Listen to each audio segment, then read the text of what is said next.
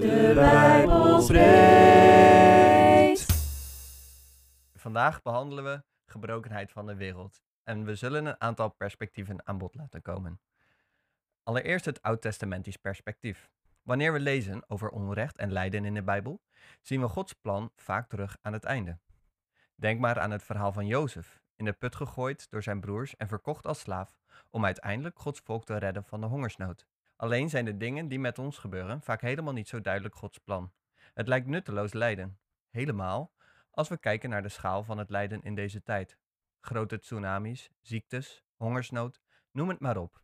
De vraag is dan: hoe ga je daarmee om? En wat wordt van ons verwacht? Wat duidelijk wordt in het boek Job is dat lijden zeker niet altijd begrijpelijk is voor mensen. God ontneemt en geeft Job dingen zonder uitleg. Het lijkt doelloos lijden te zijn. En dat leidt de vrienden en de vrouw van Job en uiteindelijk Job zelf dan ook tot verschillende conclusies. De vrienden denken dat de fout ligt bij Job zelf, omdat God rechtvaardig is. Maar de vrouw van Job, die ziet hoe Job leeft, zegt dat het God is die Job moet vervloeken. Het is natuurlijk geen van beide. We moeten niet de uitleg zoeken voor Gods daden, want die kunnen we niet bevatten. En God is goed, dat is ontwijfelbaar. Daarom kunnen sommige gebeurtenissen kwaad lijken, terwijl ze dat niet zijn, en moeten we blijven vertrouwen op de bevrijdende woorden en daden van God. 1 Petrus 3, vers 13 tot 4, vers 2. Overigens, wie zou u kwaad doen als u zich volledig inzet voor het goede? Maar zelfs als u zou lijden omwille van de gerechtigheid, dan bent u toch gelukkig te prijzen. Wees daarom niet bang voor de mensen en laat u door niets in verwarring brengen. Erken Christus als Heer en eer hem met heel uw hart. Vraagt iemand u waarop de hoop die in u leeft gebaseerd is, wees dan steeds bereid om u te verantwoorden. Doe dat dan vooral zachtmoedig en met respect. Houd uw geweten zuiver. Dan zullen de mensen die zich honend over uw goede, christelijke levenswandel uitlaten, zich schamen over hun lasten. Het is beter te lijden, indien God dat wil, omdat men goed doet, dan omdat men kwaad doet. Ook Christus immers heeft, terwijl hij zelf rechtvaardig was, geleden voor de zonde van de onrechtvaardige, voor eens en altijd, om u zo bij God te brengen. Naar het lichaam werd hij gedood, maar met de geest tot leven gewekt. Hij is naar de geesten gegaan die gevangen zaten, om dit alles te verkondigen. Aan hen die ten tijde van Noach weigerden te gehoorzamen, toen God geduldig wachtte en de ark gebouwd werd. In de ark werden slechts enkele mensen, acht in totaal, van de watervloed gered. En dat water is een voorafbeelding van het water van de doop, waardoor u nu wordt gered. De doop was niet het vuil van uw lichaam, het is een vraag aan God om een zuiver geweten. Hierom kunt u vragen, dankzij de opstanding van Jezus Christus, die de hemel is binnengegaan en nu aan Gods rechterhand zit, terwijl de engelen, machten en krachten aan hem onderworpen zijn. Nu dan, omdat Christus tijdens zijn leven op aarde heeft geleden, moet u zich net als hij wapenen met de gedachte dat wie in zijn aardse leven geleden heeft, met de zonde heeft afgerekend. Zo iemand laat zich gedurende de rest van zijn leven niet meer leiden door menselijke verlangens, maar door Gods wil. Jezus moest ook lijden tijdens zijn leven op aarde, maar hij was zelf zonder zonden. Hij kan ons dus leren hoe we het beste ons kruis op kunnen nemen en om kunnen gaan met lijden dat groter lijkt dan wij zelf. We kunnen het omgaan met de gebrokenheid van de wereld hier bekijken vanuit drie perspectieven. Allereerst het lijdend perspectief.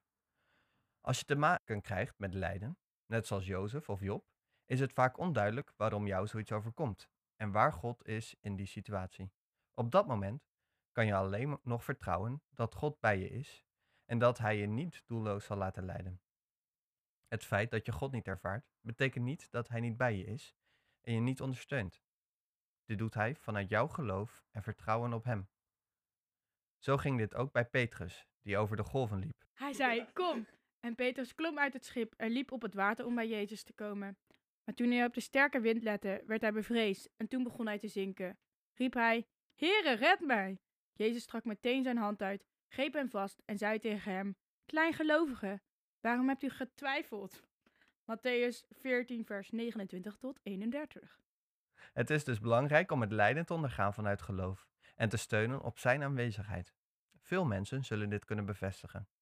Je kunt een vreselijke ziekte krijgen die je gezondheid ontneemt, maar je mag hoop houden en kracht vinden in je geloof.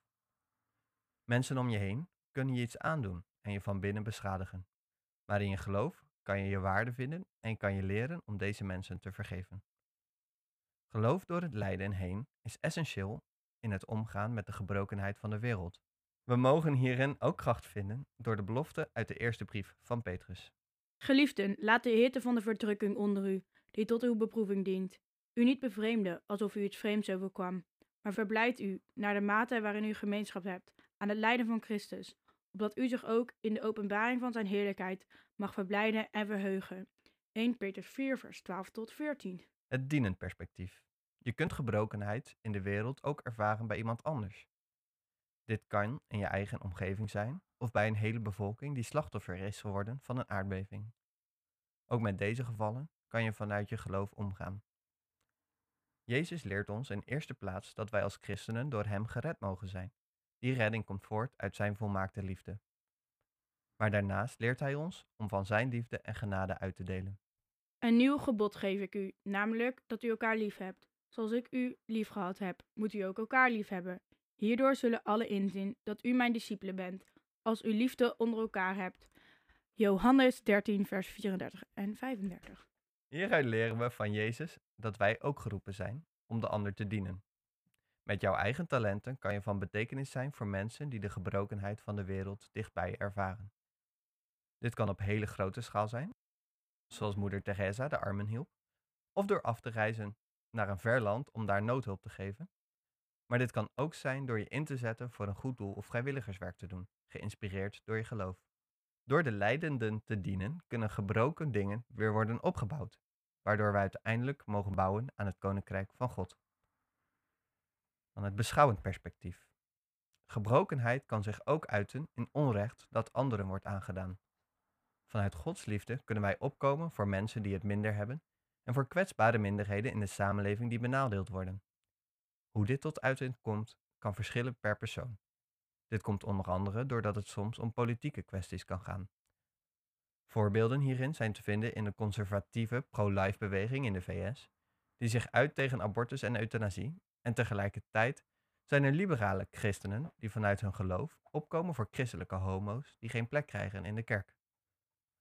Op welke manier dit ook tot jou spreekt, het is belangrijk om maatschappijkritisch te zijn en van hieruit onrecht en gebrokenheid tegen te gaan. Overdenking. Denk je dat het moeilijker was voor mensen in het Oude Testament om in hun lijden te blijven geloven? Lukt het jou om op God te vertrouwen wanneer je de gebrokenheid van de wereld ervaart? Op welke manier wil jij je inzetten om de gebrokenheid van de wereld weer op te bouwen? Heere God, lief Vader in de hemel, dank u wel voor deze podcast en de mogelijkheid om op deze manier verbonden te blijven met u en met elkaar. Heer, dank u wel voor uw vertrouwen en uw liefde. Heer, wilt u ons helpen om een plek te vinden waar wij met onze talenten verschil kunnen maken in de gebrokenheid van de wereld. Heer, wilt u snel terugkomen om alles nieuw en goed te maken. In Jezus' naam. Amen. Deze podcast werd mede mogelijk gemaakt door Extra, extra, De Boxie!